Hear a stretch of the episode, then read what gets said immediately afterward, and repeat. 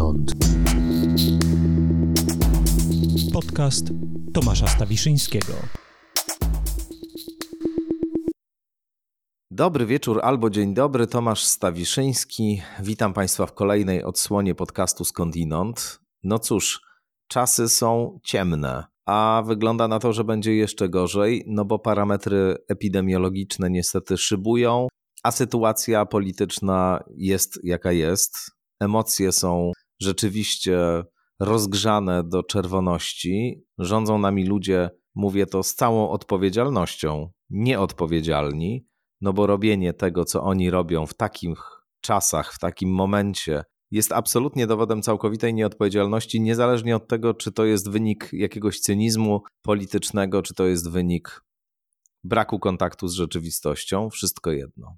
No właśnie, dlatego zaprosiłem dzisiaj do rozmowy profesora Łukasza Małka, kardiologa sportowego, i rozmawiamy o sporcie, o aktywności fizycznej i o tym, jak wpływa na zdrowie fizyczne i psychiczne, bo myślę, że nasze zdrowie fizyczne i psychiczne, to żebyśmy przetrwali ten ciężki czas, ciężki zarówno w wymiarze politycznym, społecznym, czyli psychologicznym, jak i w wymiarze no, związanym właśnie z tym, że jesteśmy istotami cielesnymi podatnymi na różnorakie choroby i słabości, że to jest teraz bardzo ważne, żeby właśnie o siebie pod wieloma względami zadbać i żeby się nie dać wciągnąć w to wszystko, co się dzieje, w ten wir emocjonalny, który się wytworzył, w ogromnym stopniu sprowokowany, wygenerowany przez rządzących. Myślę, że to jest czas na to, żeby się jakoś wyciszyć, e, uspokoić wewnętrznie i zająć sobą też. I dlatego właśnie profesor Łukasz Małek, który jest nie tylko świetnym specjalistą y, w zakresie medycyny sportowej, kardiologii sportowej, ale też praktykującym biegaczem, który jakieś niesamowite trasy pokonuje. Dlatego myślę, że profesor Łukasz Małek będzie fantastycznym gościem właśnie na ten dziwny okres, w którym się wszyscy znaleźliśmy. No cóż, bardzo dziękuję tradycyjnie wszystkim patronkom, patronom, subskrybentkom, subskrybentom w miarę możliwości, oczywiście wiem, że czasy są ciężkie. Zachęcam Państwa do tego, żebyście wspierali ten podcast, żebyśmy mogli jakoś wspólnie razem rozwijać to przedsięwzięcie pod tytułem Skądinąd. Można to zrobić albo na profilu e, podcastu w portalu Patronite, albo przez moją stronę internetową www.stawiszynski.org. Bardzo dziękuję wszystkim, którzy już to zrobili, którzy dopiero zamierzają no i zapraszam na rozmowę z profesorem Łukaszem Małkiem.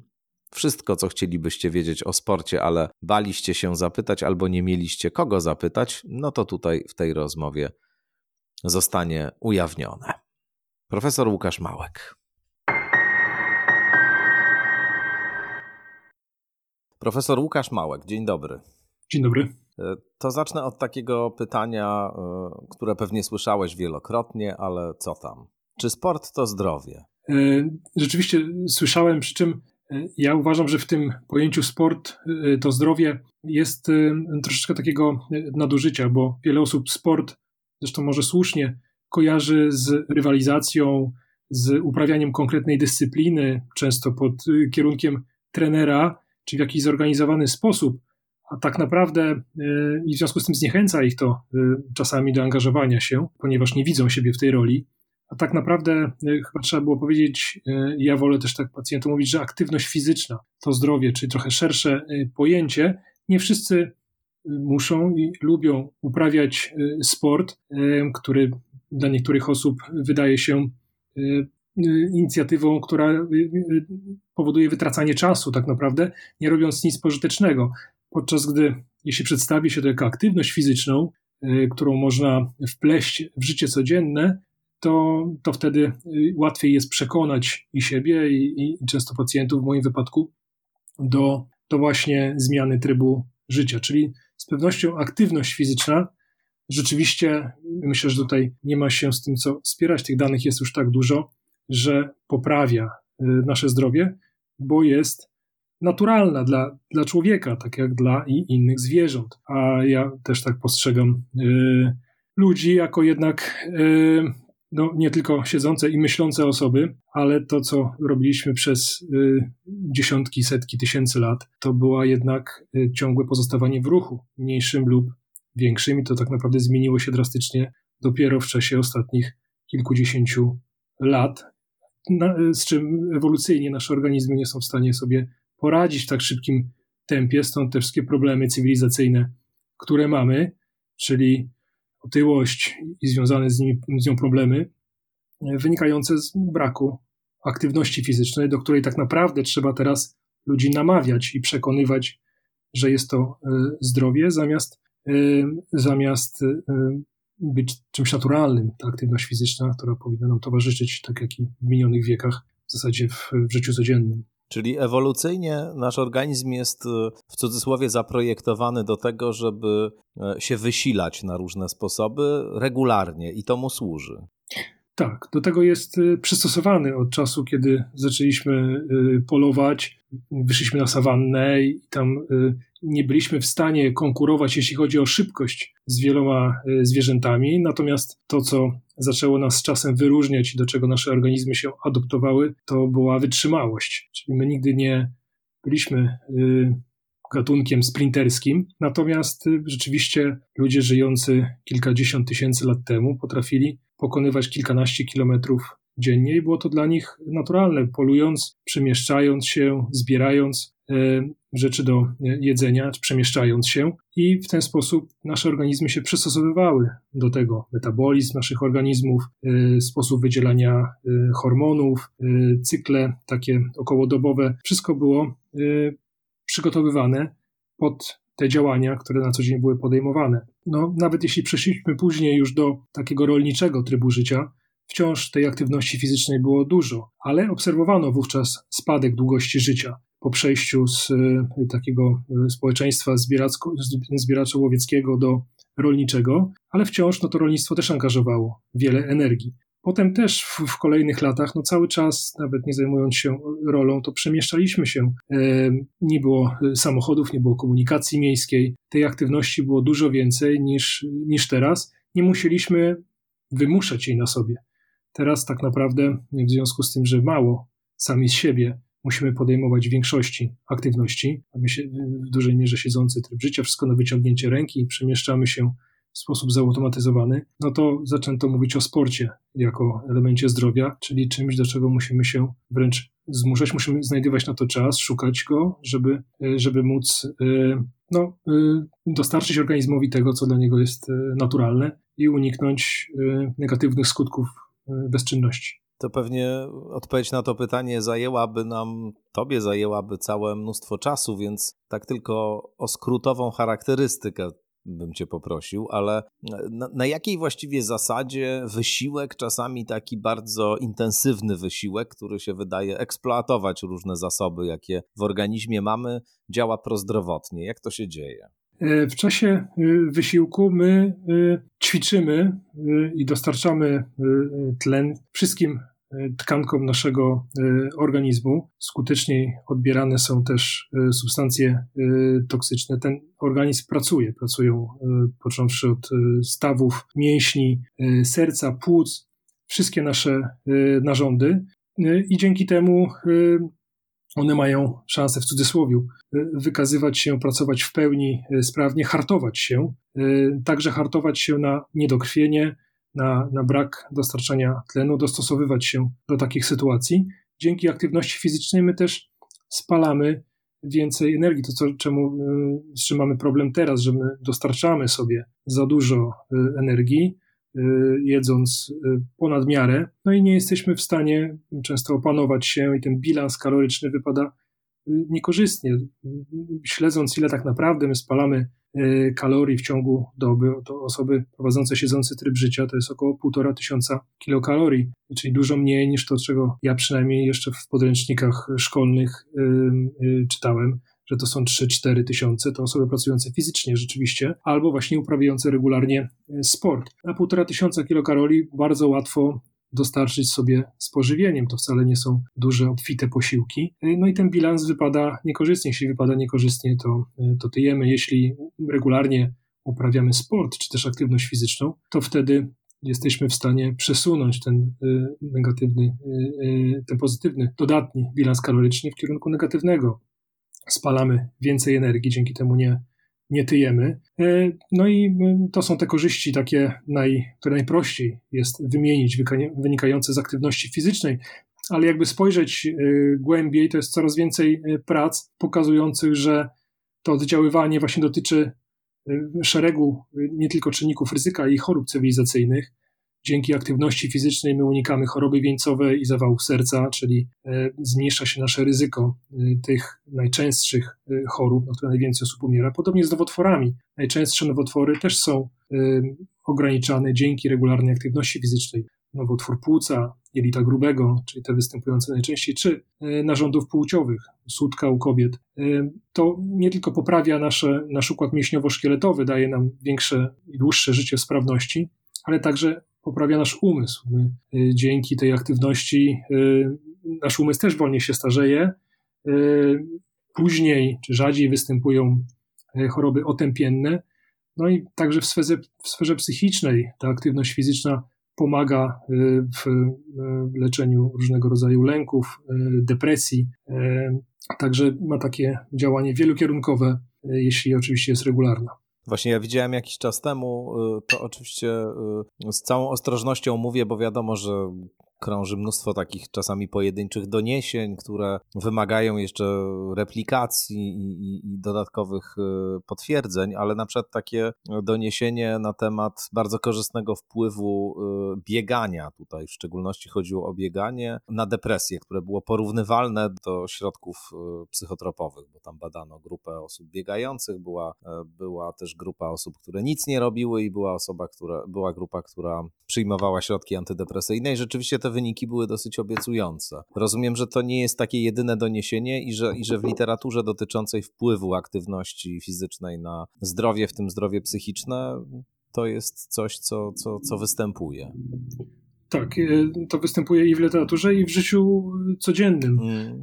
Ja prowadziłem takie badanie na Akademii Wychowania Fizycznego ultramaratończyków i tam skupiałem się na tym, co mi jest najbliższe, czyli na adaptacji układu sercowo-naczyniowego do takich już w tym wypadku ultra ekstremalnych wysiłków. To były osoby, które biegały, zaczynały od y, pokonywania niewielu kilometrów, ale z czasem te dystanse zwiększały, aż y, dochodziły do dystansu większego niż maraton, czyli właśnie ultramaratonów po 50, 60, 100, a nawet y, kilkaset kilometrów. I ja oczywiście skupiałem się na układzie sercowo-naczyniowym, ale osoby uczestniczące w tych badaniach same pytały się, czy jest jakiś element albo będzie zaplanowany. Niestety ja wtedy nie miałem okazji tego e, przeprowadzić. Oceny psychologicznej, który e, pozwoliłby wyjaśnić, dlaczego oni biegają coraz więcej, coraz dłużej, coraz, coraz dalsze dystanse, tak długo i, ciągle chcą, chcą więcej. I część z nich e, podkreślała, że jest to dla nich forma także radzenia sobie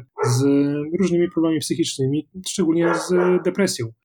Taka codzienna porcja aktywności fizycznej tym wypadku no, bardzo dużej, pozwalała im radzić sobie w jakiś sposób z tymi e, problemami. I to rzeczywiście e, ja też na co dzień e, wśród pacjentów obserwuję biegaczy. Nie tylko, że ta aktywność fizyczna pomaga. Gorzej, jeśli z powodu kontuzji czy z jakiejś innej przyczyny trzeba ją nagle przerwać czy ograniczyć.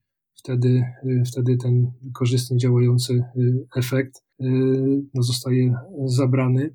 I to zawsze jest ten moment przerażenia y, u, u osób, które czerpały z tego, czerpały, korzystały z tego jak z lekarstwa. Uśmiechnąłem się, bo, bo, bo właśnie ja mam takie e, parę miesięcy za sobą przerwy w bieganiu z powodu kontuzji kolana, takiej, która, która mnie wyłączyła z tego na, na dłuższy czas. Moje bieganie to jest e, zupełnie niewyczynowe bieganie. Kilka razy w tygodniu po, po tam powiedzmy 7 kilometrów, 6-7 kilometrów, w takim raczej tempie e, niezbyt intensywnym, ale efekt antydepresyjny i euforyzujący potężny mam zawsze po, e, po tej aktywności i, i rzeczywiście boleśnie to odczułem i odczuwam, że, że muszę robić jeszcze wciąż przerwę od biegania, ale e, mówisz o tych ultramaratończykach i sam też biegasz e, dosyć intensywnie i zastanawiam się nad granicami tego zdrowego wysiłku fizycznego, bo znam osoby, które na przykład zaczynają biegać i w bardzo krótkim czasie dochodzą do takich bardzo intensywnych treningów, pokonują jakieś niesamowicie rozległe trasy. Biegają maraton za maratonem i wiem, że opinie są podzielone, także opinie lekarzy, którzy się, którzy się na ten temat wypowiadają, no bo są tacy jednoznaczni entuzjaści, którzy twierdzą, że im więcej, tym lepiej, trzeba biegać, nie ma, nie ma problemu. Słyszałem takie opinie, a słyszałem też opinie takich, e, takich le lekarzy, którzy jednak zalecali daleko idącą ostrożność i twierdzili, że wcale nie jest tak, że te takie bardzo, e, bardzo e, wyczynowe bieganie i, w ogóle taki wyczynowy wysiłek sportowy wpływa korzystnie, w szczególności właśnie na serce, tylko że, że, że może mieć też efekt odwrotny. Jak to właściwie jest z tą dawką wysiłku? No właśnie, y, to jest taki problem wciąż nierozwiązany, y, jeśli chodzi o kardiologię sportową. Mówi się, to jest takie potoczne, funkcjonujące w medycynie przekonanie, że wszystko jest dobre w dawkach umiarkowanych. Już Hipokrates mm. powiedział, że jakbyśmy wszystkim dali wystarczająco, ale nie za dużo jedzenia i aktywności fizycznej, to, to uniknęlibyśmy większości problemów i oni żyliby w zdrowiu. Tylko pytanie zawsze jest, czym jest ta umiarkowana ilość. Każdy rozumie ją w inny sposób. Ona też zmienia się w czasie. Pewnie umiarkowana aktywność, którą my rozumielibyśmy teraz, to byłaby niską aktywnością jeszcze 200 lat temu, nie mówiąc już o 10 tysiącach lat temu. Więc teraz doszliśmy do takiego punktu zastania większości osób, że wytyczne kardiologiczne zalecają 2,5 godziny tygodniowo aktywności fizycznej rozłożonej oczywiście równomiernie, nie jednego dnia po pół godziny mniej więcej, ale traktować to należy jako taki punkt wyjścia do rozpoczęcia aktywności fizycznej, bo jeśli spojrzymy na to z punktu widzenia zdrowotnego, to optymalne te korzyści, o których mówiłem na początku, dla organizmu występują, jeśli tą dawkę 2,5 godziny umiarkowanej aktywności się potroi, czyli dojdzie się mniej więcej do 7 godzin, 7,5 y, tygodniowo. I to, y, jeśli chcielibyśmy aktywność fizyczną i sport uprawiać dla zdrowia, to jakikolwiek efekt będziemy już mieć nawet przy pół godzinie i godzinie aktywności tygodniowo. Taki zalecany jako pierwszy krok to jest 2,5 godziny, natomiast optymalne korzyści osiągnęlibyśmy przy 7,5 godzinie tygodniowo e, mniej więcej aktywności fizycznej umiarkowanej albo o połowę y, y, mniejszej, intensywnej aktywności fizycznej. A umiarkowana, umiarkowana intensywna to zapewne tak. są pojęcia, które mają takie wyraźne zakresy. To można właśnie sportowej. w różny sposób y, określać. Wytyczne te kardiologiczne to bardzo podchodzą do tego spokojnie, czyli ta umiarkowana aktywność to jest szybki spacer, a intensywna to jest jogging, czyli większość hmm. osób, które rzeczywiście biegają, tak naprawdę przekracza y, wielokrotnie te minimalne y, dawki, bo bieg taki już y, nie, nie będący truchtem, to już jest bardzo duża intensywność. Ale jest też inny sposób oceny na podstawie możliwości mowy, gdzie jeśli swobodnie jesteśmy w stanie przy jakiejś aktywności rozmawiać, to jest ona uznawana za lekką, jeśli stwarza nam to pewne problemy, ale kilka zdań byśmy byli w stanie wypowiedzieć, zanim musielibyśmy głębiej zaczerpnąć powietrza, to jest aktywność umiarkowana, natomiast już ta wysoka czy bardzo wysoka, to daje możliwość tylko wypowiadania pojedynczych słów, czy, czy już w którymś momencie uniemożliwia jakąkolwiek konwersację ze względu na zapotrzebowanie tlenowe i, szybki oddech. Także to jest najprostszy sposób określania y, intensywności aktywności fizycznej. No i do końca nie wiadomo, y, gdzie leży ta granica górna. Na pewno podwoj- y, nie tylko potrojenie, ale jeszcze zwiększenie tego do 5-6 razy wciąż nie powoduje żadnych negatywnych skutków. Ta krzywa, która jest krzywą J, nie zaczyna przypominać kształtu litery U, czy nie zaczyna się znowu wznosić, że my tracimy te korzyści na rzecz już jakichś skutków y, ubocznych tej y, bardzo y, dużej aktywności fizycznej. I to wciąż jest badane. Dlatego ja z punktu widzenia swojego, ale też i medycznego, często apeluję, czy mam takie podejście, że jeśli ktoś chce i uprawia sport bardzo intensywnie, nie musi tego robić. Nigdy do tego nie namawiam i myślę, że nie każdy musi przebiec maraton. Myślę, że mimo, że uważam, że po odpowiednim przygotowaniu może większość osób, jeśli nie każe to zrobić, ale jeśli ktoś chce, czerpie z tego coś dla siebie, niekoniecznie robi to tylko i wyłącznie dla zdrowia, dla, dla realizacji swoich celów, spełnienia, dla, dla zaspokojenia ambicji, czy innych właśnie, chociażby radzenia sobie z depresją, to nie należy go zniechęcać od takiej dużej aktywności, ponieważ te wszystkie dane, które mamy na temat tego, że bardzo duża ilość aktywności fizycznej może być szkodliwa, są bardzo miałkie jak do tej pory. Nie ma tak dużo, tak wielu osób, które rzeczywiście tak bardzo intensywnie trenują. Badania sportowców, olimpijczyków, medalistów olimpijskich, które my też prowadziliśmy, pokazują, że oni wciąż żyją o kilka lat dłużej niż ogół społeczeństwa, niż osoby mniej aktywne, czyli nie ma jakiejś górnej granicy, a to są osoby, które trenują przez całe życie albo przez większość, no może nie przez całe, ale przez cały okres młodości i później często też bardzo intensywnie. E, natomiast rzeczywiście istnieją jakieś przesłanki, że taka e, bardzo duża wieloletnia aktywność może zwiększać ryzyko niektórych chorób kardiologicznych, nikotania przedsionków, może powodować e, powstawanie blaszek miażdżycowych e, w tętnicach wieńcowych, czyli zagrażać zawałem mięśnia sercowego, ale te blaszki właśnie okazuje się, że mimo, że jest ich więcej, są bardziej stabilne i to ryzyko zawału jest mniejsze od populacyjnego. Może takie wieloletnie uprawianie bardzo intensywne sportu powodować powstawanie jakichś obszarów włóknienia, zaburzenia rytmu, ale te dane albo się nie potwierdzają w kolejnych badaniach, albo jest ich wciąż na tyle mało, żeby można było z pełną świadomością powiedzieć pacjentowi, żeby zaprzestał biegania cyklicznego maratonów czy ultramaratonów, ponieważ robi sobie krzywdę. Myślę, że tutaj korzyści wciąż jest więcej niż, niż działań jakichś niepożądanych. W związku z tym, każdy, doradzając coś pacjentowi, my zawsze powinniśmy to rozważyć i zastanowić się, czy tą naszą wypowiedzią, czy, czy zaleceniem no bardziej mu nie szkodzimy niż, niż pomagamy. A ja nie mam takiego wrażenia, że odradzając y, y, takie rzeczy,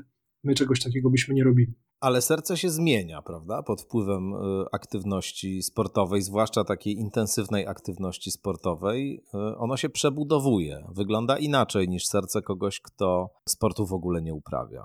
Tak, y, to, to prawda.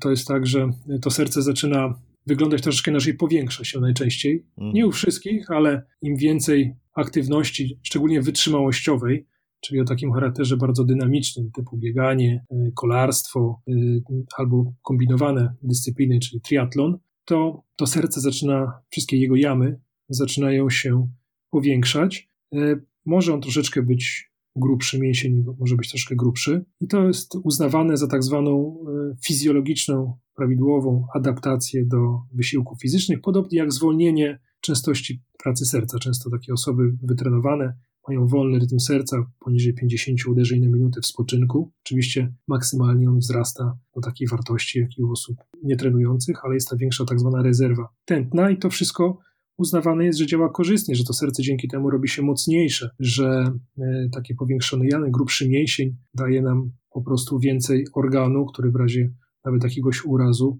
e, no, zachowujemy większej części. Y, poprawia się jego ukrwienie, więc nawet w razie zamknięcia jakiejś tętnicy jej funkcje przejmują inne sąsiednie tętnice, tak zwane krążenie oboczne. Ten wolny rytm serca też y, sprzyja y, pracy serca, także to są wszystko właśnie korzystne zmiany adaptacyjne i trzeba to w ten sposób rozumieć i też będąc lekarzem, czy widząc takie nietypowe serce, bo nie serce pacjenta z chorobami sercowo-naczyniowymi, tylko serce sportowca, właśnie tak jest zresztą określane.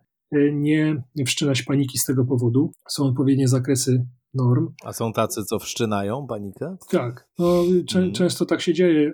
E, ja e, badam często sportowców, którzy są właśnie zniechęcani do dalszego uprawiania sportu z powodu takich bardzo zaawansowanych zmian adaptacyjnych, wciąż mieszczących się w granicach normy, no ale nietypowych dla, e, w cudzysłowie, zwykłych śmiertelników, którzy nie uprawiają Ja powiem szczerze, że, że rozmawiałem kiedyś, e, zresztą na antenie jednej z rozgłośni radiowych z takim kardiologiem, który się nie zajmuje e, sportem, tylko no po prostu jest, jest lekarzem kardiologiem, takim powiedziałbym z pokolenia aktualnie 70-latków.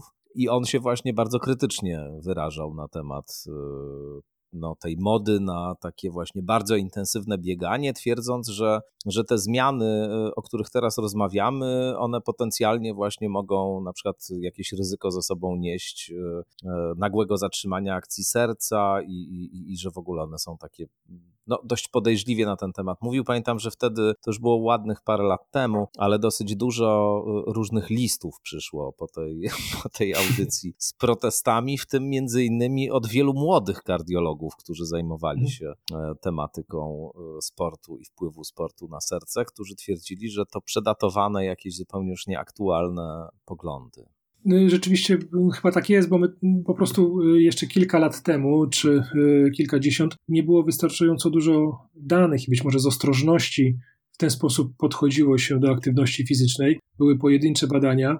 Rzeczywiście teraz zrobiła się moda na uprawianie sportu, w tym na bieganie, i coraz więcej osób nie tylko robi to regularnie, ale sięga po te dłuższe dystanse, y, maraton i ultramaraton. W związku z tym, mówiąc nieładnie, materiał do badań jest, jest większy i można y, już teraz y, z takim okresem obserwacji kilkunastoletnim wyciągać y, wnioski, czy rzeczywiście jest to szkodliwe, czy nie. I te badania nie pokazują, żeby to było szkodliwe, a wzrost liczby osób uprawiających takie dyscypliny ekstremalne no, był logarytmiczny w ostatnich kilkunastu latach, nie tylko w Polsce, na całym świecie. I w związku z tym jest sporo danych, po których można troszkę się uspokoić, jeśli się je przejrzy. Przy czym rzeczywiście jest coś takiego, że jeśli chcemy porwać się na jakieś takie ekstremalne wysiłki, to powinniśmy się do tego odpowiednio przygotować. To, czego ja. No i właśnie o to Cię chciałem tak. teraz e, zapytać, bo domyślam się, że to nie jest tak, że e, rekomendujesz, żeby teraz każdy, kto nas słucha, jeszcze na przykład nigdy w życiu nie biegał, nie trenował żadnego sportu, przebiegł sobie 42 kilometry. Bo po pierwsze, nie będzie w stanie tego zrobić, ale zapewne jak, e, jak będzie próbował, no to, to może się to dla niego źle skończyć. To nie jest dobry pomysł, żeby od razu zaczynać od takiego wysiłku. No i też zapewne istnieją jakieś predyspozycje, które, które e, należy mieć na uwadze e, i jakieś ograniczenia związane z jakimiś występującymi na przykład e, chorobami albo, albo jakimiś kłopotami zdrowotnymi, które też trzeba brać pod uwagę, planując w ogóle takie treningi, rozpoczęcie treningów. Tak, jak, jak najbardziej. To znaczy, Oczywiście nie każdy musi podejmować takie intensywne wysiłki, nie jest to miarą naszej jakości y, ani jako sportowca, ani, ani człowieka. Także y, taki sport, nie każdy się w nim odnajduje i, i dobrze może. Y, nie każdy to lubi, nie każdy chce poświęcać tyle czasu na aktywność fizyczną i tak jak wcześniej mówiłem, z punktu widzenia zdrowotnego nie ma takiej konieczności. Natomiast jeśli rzeczywiście planujemy porwać się na coś większego, bo takie wysiłki lekkie, umiarkowane, to one rzadko kiedy są niebezpieczne. Natomiast intensywne i długotrwałe wysiłki mogą być, więc najlepiej, jeśli jesteśmy osobami, które są już w wieku średnim, to wykluczyć jakieś nabyte e, choroby, nieprawidłowości, a e, nawet będąc osobami młodymi, z kolei wrodzone jakieś wady, żeby uniknąć e, ryzyka właśnie negatywnych zdarzeń, które jest największe przy tych intensywnych, długotrwałych wysiłkach.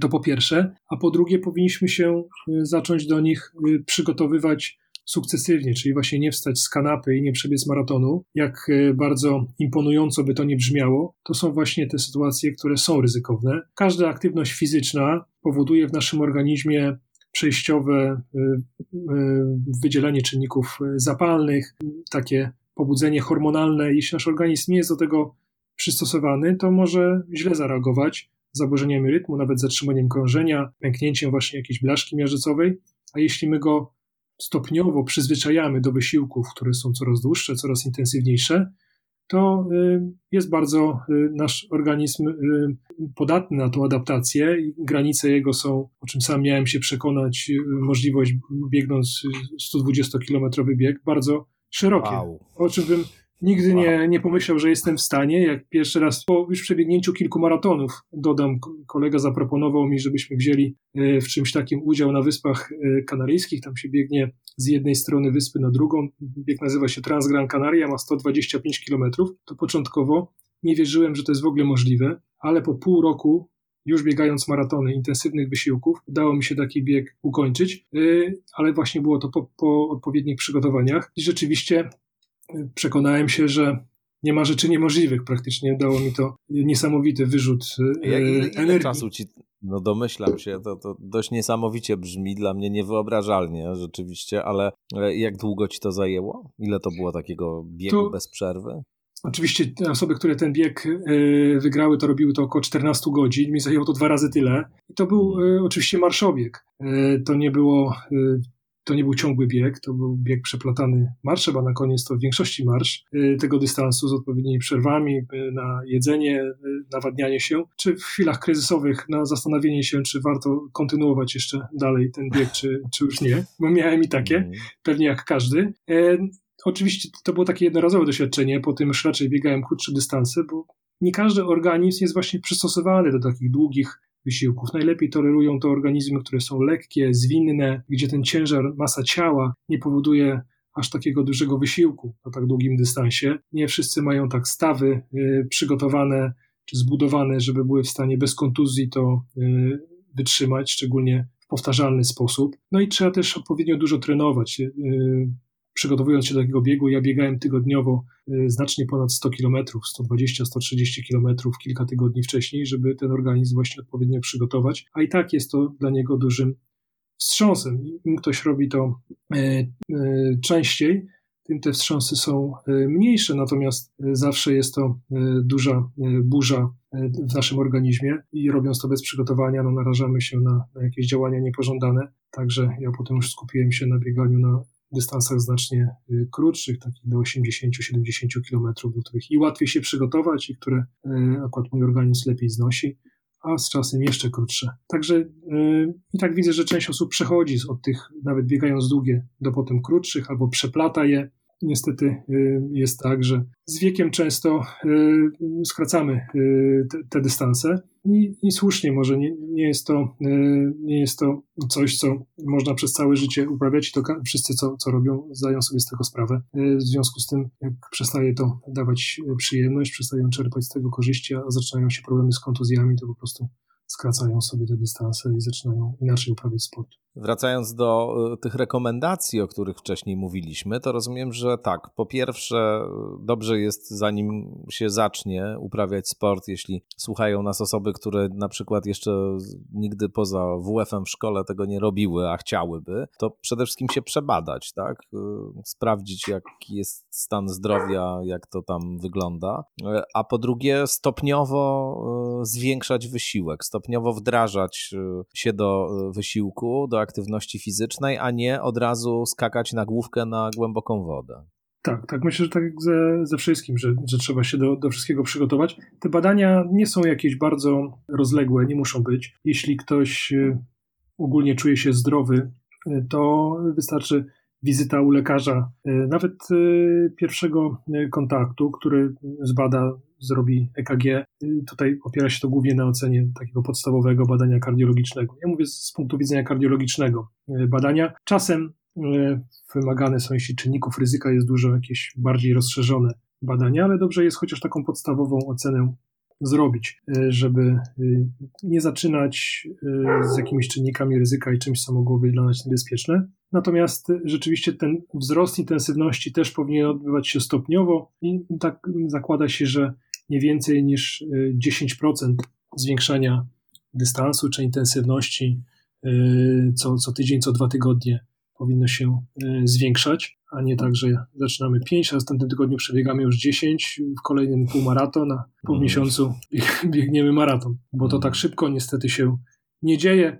A szkoda, bo najczęściej jest tak, że przekonując pacjentów do aktywności fizycznej, ciężkim okresem są te pierwsze tygodnie, kiedy nie widać jeszcze żadnych efektów tej aktywności fizycznej, a dla osoby, która nigdy nic nie robiła, jest to męczące, frustrujące, szczególnie jeśli biegnie się i co chwila mija nas ktoś w lesie, kto biega już długo i z dużą lekkością, a my y, dyszymy, sapiemy, jesteśmy spoceni i mamy ochotę się zatrzymać. Y, no i niestety trzeba to y, przeżyć i jeśli wytrwamy kilka miesięcy, w regularności tego wysiłku, to wtedy zaczniemy zauważać dopiero e, prawdziwe efekty. No i dla wielu osób takie, bez, które powodują, że potem nie jesteśmy sobie w stanie wyobrazić funkcjonowania bez tej regularnej aktywności fizycznej, e, żeby podtrzymać te korzyści. Ty często mówisz, bo y, prowadzisz taki profil, ja już o tym trochę powiedziałem, wprowadzając y, słuchaczy i słuchaczki do, do naszej rozmowy, taki profil Łukasz Małek, kardiolog, kardiolog sportowy. Na Instagramie można e, czytać różne twoje posty i, i, i na Facebooku. E, i e, przewija się w różnych e, Twoich postach, wpisach taki wątek słuchania organizmu i tego, żeby też zwracać bacznie uwagę na to, co sam organizm do nas mówi, mniej się przejmować różnymi parametrami, które gdzieś funkcjonują w mediach społecznościowych, w jakichś wykazach i tak dalej, a bardziej może właśnie tym, jak się czujemy i co sam organizm nam podpowiada. Tak, o, dziękuję, dziękuję za to pytanie, bo ono rzeczywiście jest bardzo ważne. My teraz często korzystamy z y, bardzo wielu gadżetów, które wspomagają naszą aktywność fizyczną, zegarków, aplikacji, które są w stanie wszystko zmierzyć, nie tylko prędkość przemieszczania się, dystans, y, czas, ale tętno, y, wykonać są w stanie EKG, nawet mierzą saturację.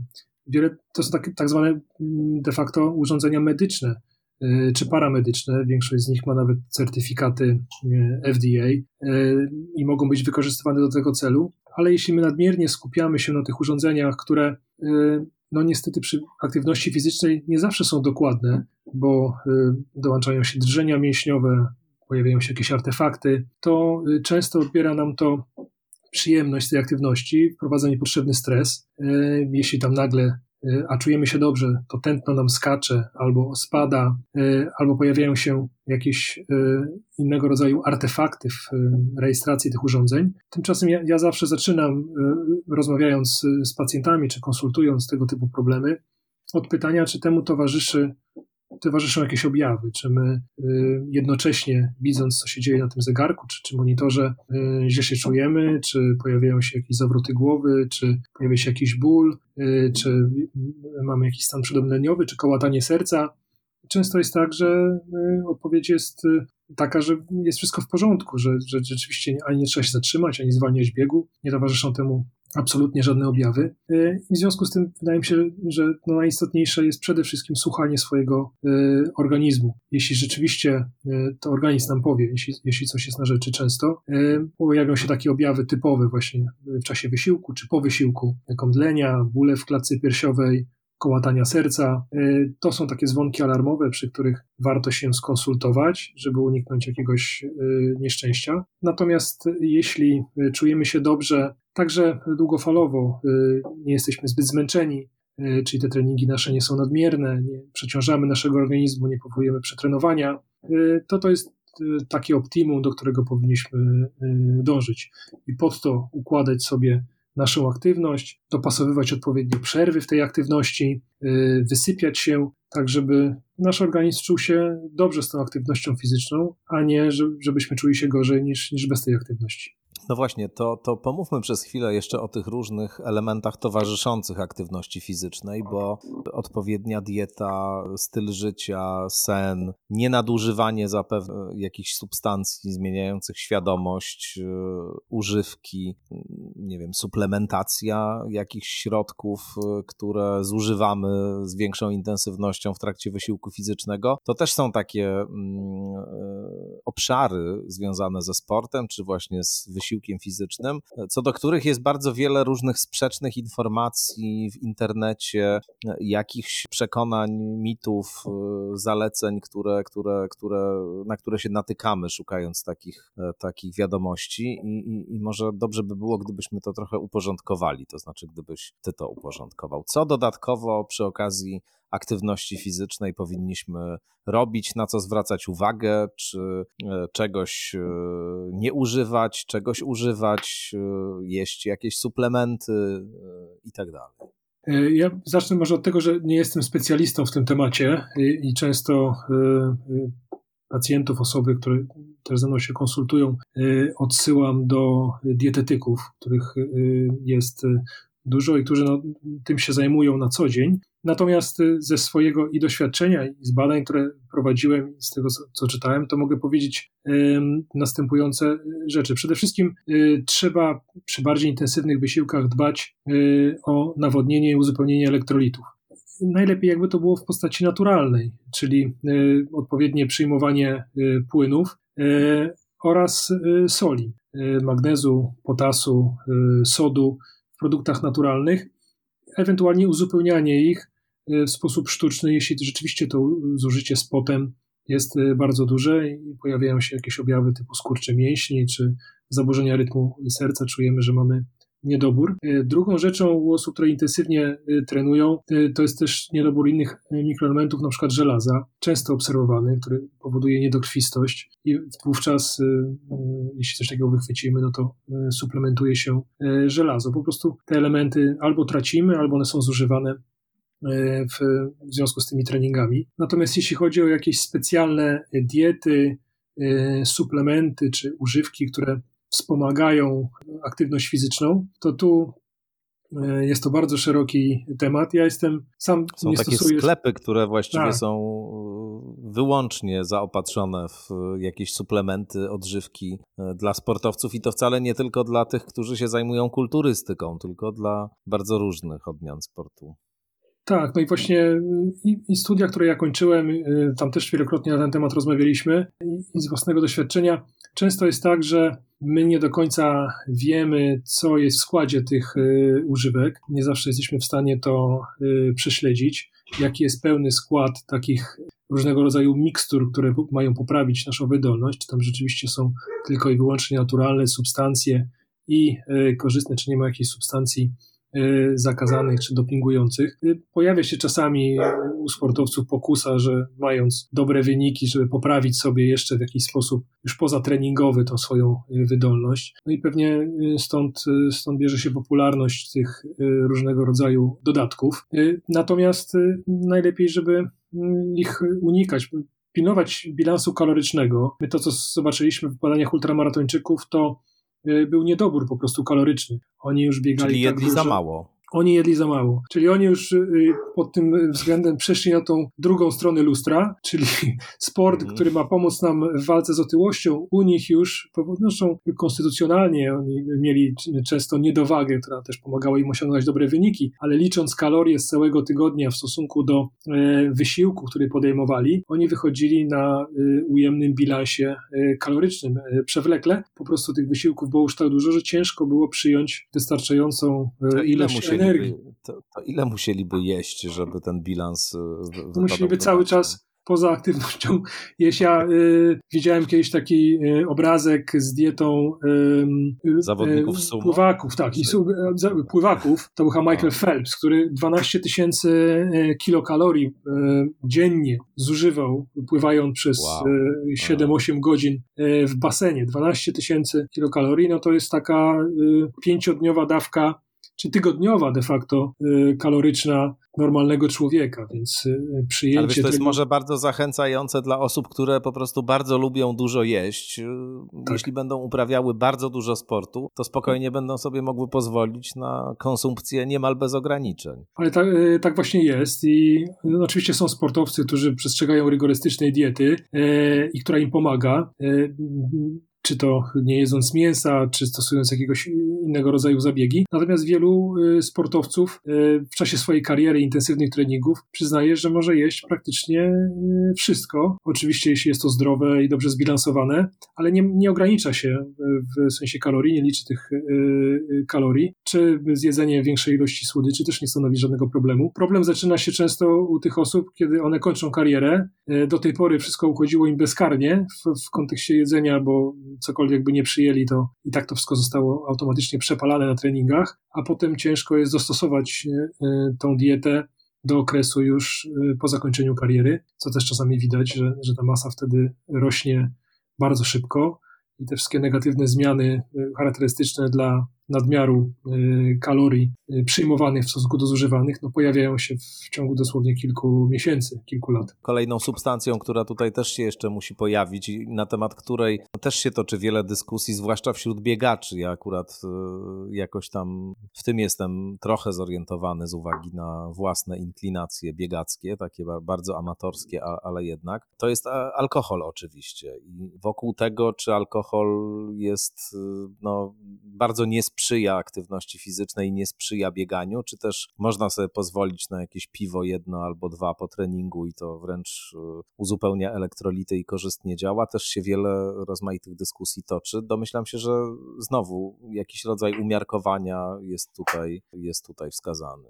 No, nie jest to pewnie zalecane, taka forma uzupełnienia jakichś, jakichś niedoborów. Hmm. Natomiast były rzeczywiście badania naukowe pokazujące, że osoby, które nadużywają alkoholu, jeśli regularnie uprawiają aktywność fizyczną, nie wiem, czy e, coś takiego można reklamować w cudzysłowie, miały wolniejszy i, i mniejszy rozwój wszelkiego rodzaju powikłań związanych z nadużywaniem alkoholu, bo po prostu ta substancja, jak i każda inna, szybciej była metabolizowana przez ich organizmy, czyli nie tylko mogły przyjąć więcej, ale szybko to znikało z organizmu, nie powodując spustoszeń. E, I wśród osób intensywnie uprawiających sport pojawiło się takie badanie. Było, e, pewnie jest, dużo takich wysoko funkcjonujących, e, dobrze funkcjonujących alkoholików, którzy rzeczywiście przyjmują duże ilości alkoholu i potem dzięki aktywności fizycznej są w stanie to nie tego, tylko następnego dnia na tyle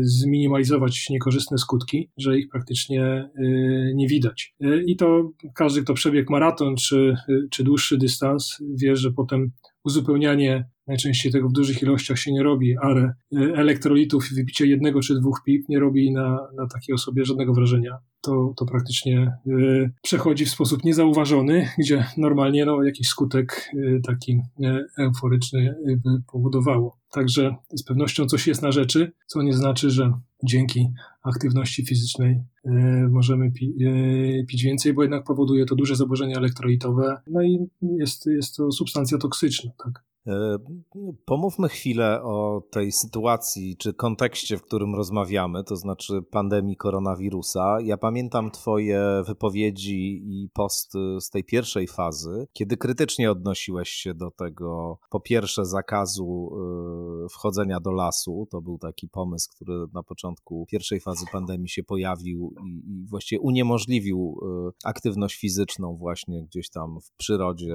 w lesie, w parku. A po drugie, też wielokrotnie wypowiadałeś się krytycznie na temat nakazu, który wówczas wtedy też y, obowiązywał, noszenia maseczek w trakcie wysiłku fizycznego. To nie jest korzystne, żeby biegać w maseczce, mówiąc wprost. Wydaje mi się, że nie. No, pierwsze, to nie, nie spełnia swojej roli, bo, bo to ma nas chronić przed koronawirusem. Jeśli robimy to, uprawiamy sport w miejscu izolowanym, to nie ma takiej potrzeby. A też nie słyszałem o jakichś ogniskach y, w czasie wspólnych treningów, jeśli były wśród sportowców, to wynikały z przebywania albo rzeczywiście bardzo bliskiego kontaktu, ale innego niż, niż bieganie. Natomiast y, no, w takiej masce ciężko jest, szczególnie intensywne wysiłki. To nie jest tak, że powinno się czy nakazać, czy, czy odradzić stosowanie. Są osoby, które lubią i w takim okresie zimowym biegają w masce ze względu na przykład na, na smog, y, czują się lepiej, bezpieczniej. Jeśli są w stanie i im to nie przeszkadza, to nie ma z tym problemu. Natomiast y, y, jest wiele osób, które męczą się w ten sposób. Te wysiłki, które normalnie y, podejmowali w masce, okazują się zbyt ciężkimi, muszą je skracać, zniechęcają się. I to jest ta szkodliwość tego nakazu uprawiania sportu w masce, który na szczęście teraz już, już przestał w miejscach takich izolowanych obowiązywać, bo pokazują to też dane z rejestratorów różnego rodzaju, że spadła e, aktywność fizyczna w ciągu tego ostatniego roku czy pół roku e, pandemii. To nie tylko w wyniku zamknięcia klubów czy siłowni, ale w wyniku takiego strachu przed wyjściem na zewnątrz, a prawdopodobnie też tego, że uprawianie sportu w masce też jest zniechęcające. Do tego trzeba pamiętać, że nie wszyscy biegają, żeby nie rozwinęły się u nich czynniki ryzyka. E, wiele osób, e, dla wielu osób to już jest forma leczenia, na przykład naciśnienia tętniczego. No i ja mam też wielu pacjentów, którzy w wyniku pandemii ograniczyli aktywność fizyczną i, i to wyrównanie e, ciśnienia tętniczego się pogorszyło, wartości im skoczyły do góry. Trzeba było zintensyfikować leczenie przejściowo. Oczywiście w momencie powrotu do aktywności takie leki można zmniejszać czy nawet odstawiać, więc zawsze wydając takie zalecenie, to z czym ja y, tam dyskutowałem, no powinniśmy mieć na uwadze z jednej strony korzyści, z drugiej strony ryzyko i czy my tutaj te, te ryzyka nie przeważają te korzyści, które my uzyskamy. Wydaje mi się, że w takiej sytuacji niestety te efekty negatywne są większe niż te pozytywne, czyli ochrona przed koronawirusem. Dlatego, dlatego tego byłem przeciwnikiem tego. Dalej jestem. A, A decyzja o zamknięciu siłowni to jest dobra decyzja? No tutaj jest to tak, temat też bardzo kontrowersyjny. Moim zdaniem y, nie. Jakby spojrzeć na funkcjonowanie siłowni i fitness klubów w ostatnich miesiącach, to i tak było tam mniej osób. Y, wiele osób y, rezygnowało z pojawiania się w takich miejscach właśnie z, ze względu na ryzyko infekcji, czyli one i tak były mniej oblegane. Przy zachowaniu odpowiedniego reżimu y, sanitarnego. Y, nie widzę powodu, dla którego akurat te miejsca miałyby być zamknięte, a wiele innych y, otwartych. To jest taka typowa dla tych zaleceń pandemicznych niekonsekwencja w działaniu, wynikająca też z tego, że u nas w kraju nie zbiera się, a jeśli się zbiera, to w nie udostępnia się opinii publicznej, informacji, gdzie tak naprawdę dochodzi do tych zakażeń, jakie są ogniska, jakie są drogi transmisji, Nikt tego nie śledzi. Już po pół roku pandemii powinniśmy mieć to dokładnie zmapowane. Czy rzeczywiście w siłowniach ludzie, którzy byli y, chorzy, podawali, że było, mogło być to jednym z potencjalnych miejsc ich zakażenia? Nie wydaje mi się. Gdyby rzeczywiście tak było i w ten sposób zostało to przedstawione, to pewnie łatwiej byłoby zastosować się do wielu tych zaleceń, niż po prostu wprowadzając je z dnia na dzień odgórnie, bez żadnego logicznego wytłumaczenia, y, co za nimi stoi. Dlaczego akurat zamknięte są siłownie i fitness kluby, a na przykład kościoły czy, czy wesela dalej można organizować, czy chodzić na, na, na msze. Jaka, no nie ma, tutaj, nie ma tutaj logiki po prostu w tych, w tych działaniach, także no, też jestem temu przeciwny i też no, staraliśmy się coś w tym y, kierunku zmienić, ale niestety na razie nie przyniosło to rezultatu. A oprócz tych wszystkich e, korzyści, o których mówiliśmy, związanych z aktywnością fizyczną, to ona także wpływa korzystnie na nasz układ odpornościowy. I w czasie pandemii to jest chyba coś takiego, co no, należy do jednego z takich podstawowych środków ochronnych. Tak, y, oczywiście. Y, nie tylko psychicznie pomaga, ale też wzmacnia naszą odporność. Tych badań jest sporo. One głównie dotyczą E, grypy, bo to nam towarzyszyło e, dłużej i więcej danych udało się zebrać niż na temat e, koronawirusa jak do tej pory, ale są badania pokazujące, że osoby, które były szczepione na grypę, to poziom ochronny przeciwciał utrzymywał się u nich dłużej, jeśli uprawiały regularnie aktywność fizyczną, niż u osób, które prowadziły siedzący tryb życia, czyli dłużej były do późniejszych miesięcy wiosennych chronione przed ewentualną infekcją, jeśli szczepiły się jesienią. Po regularna aktywność fizyczna długofalowo wzmacnia odporność. Jednorazowe takie duże wysiłki mogą ją przejściowo zmniejszać, ale długofalowo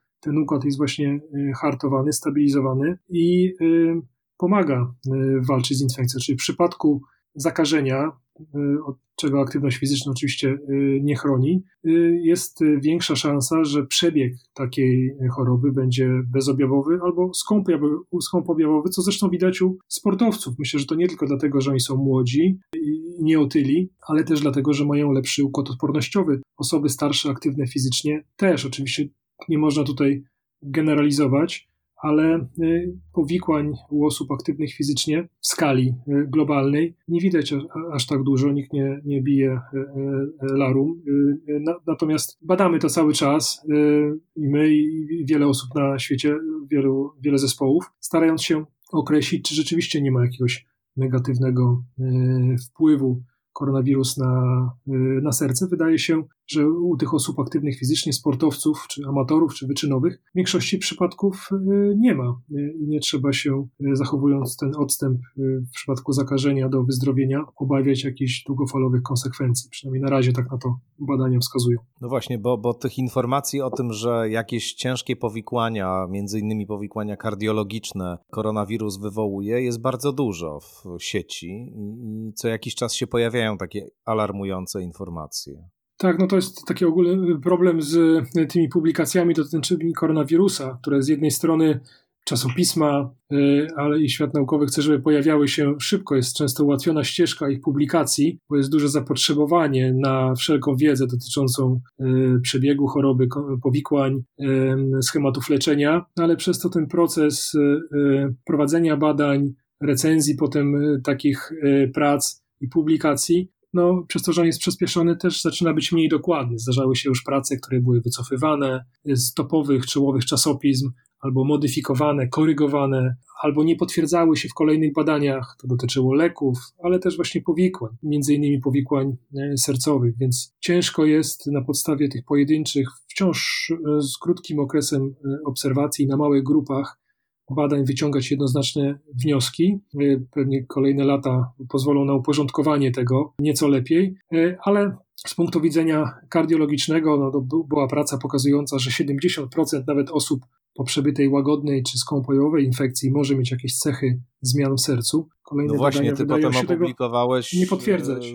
Tak. tak, taki post, w którym się przyjrzałeś bardzo dokładnie temu e, badaniu, no i okazało się, że, że, że są pewne niuanse, które jednak zupełnie zmieniają jego interpretację. Tak, i, i tam autorzy, to nie pod wpływem, chociaż ja napisałem też list do czasopisma, który, który został przyjęty, będzie opublikowany razem z odpowiedzią autorów mm. do swoich uwag, natomiast y, już wcześniej pojawiały się e, inne uwagi, także statystyczne, a propos właśnie szybkości publikacji tego, sami autorzy już wy, wystosowali erratę do tego swojego artykułu, a dodatkowo jeszcze będą musieli się odnieść do pewnie całej fali listów, które tam napłyną, nie, nie tylko tego mojego, y, tłumacząc y, no tak y, duży stopień zajęcia serca. To nawet na logikę, gdyby się zastanowić, jeśli 70% ludzi przy tych kilkudziesięciu milionach zachorowań miałoby powikłania no kardiologiczne, właśnie oddziały kardiologiczne byłyby zalane pacjentowi, którzy mieliby powikłania związane z koronawirusem. My tego nie obserwujemy na co dzień, na szczęście. E, w związku z tym, no to chyba nie może być prawda. Być może ta metoda zastosowana, czyli rezonans magnetyczny,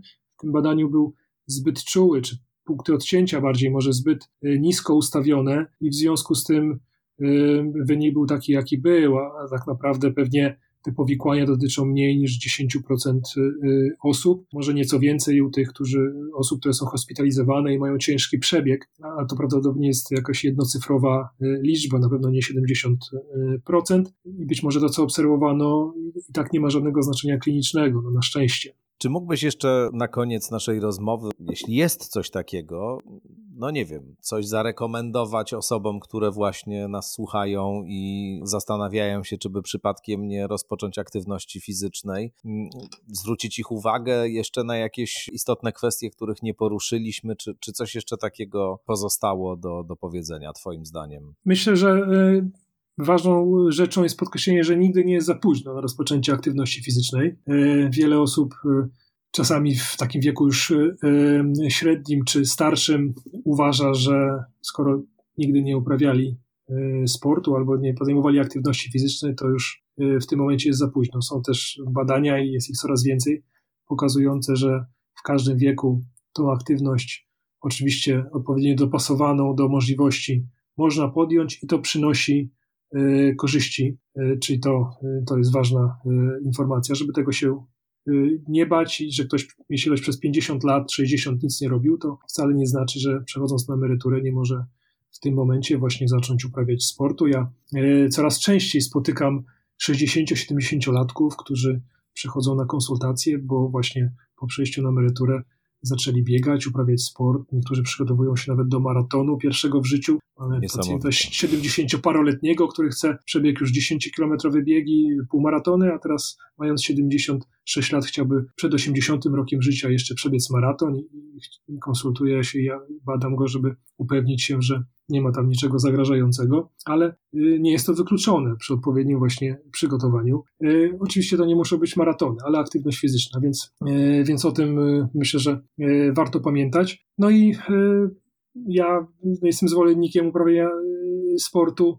Przede wszystkim dla dobrego samopoczucia, za którym idzie to zdrowie, więc przede wszystkim cieszenia się tą aktywnością Y, fizyczną, której mamy y, coraz mniej, to, to wychodzi także poza taki wymiar czysto y, fizyczny, ociera się właśnie o tą sferę psychiczną, gdzie jeśli mamy możliwość uprawiania go w otwartej przestrzeni, no to daje nam niepowtarzalną radość z tego kontaktu z naturą. Też takie chwile, kiedy możemy się wyciszyć, pomyśleć o czymś, na co nie mamy czasu. Y, mówi się, że jeśli w czasie godzinnego biegu nie jesteśmy w stanie znaleźć rozwiązania na jakiś problem, to znaczy, że nie ma takiego rozwiązania, bo organizm wtedy jest wypoczęty, zrelaksowany, nic nas nie zakłóca y, i w związku z tym możemy sobie coś przemyśleć albo właśnie nie myśleć i potraktować to jako formę medytacji, odpoczynku, tego natłoku informacji i życia codziennego. I każdy, kto y, przekona się do takiej drogi, do jakiejś aktywności fizycznej, to nie musi być bieganie, każdy wydaje mi się, że ma swoją naturalną, która mu bardziej pasuje, to, to może być sport zespołowy, indywidualny, to, to, to zobaczy, że rzeczywiście przynosi to dużo korzyści i że może to być dobrą receptą na, na życie, na długie lata. Bardzo dziękuję. Przyłączam się do tej zachęty. Profesor Łukasz Małek, dziękuję bardzo. Dziękuję bardzo.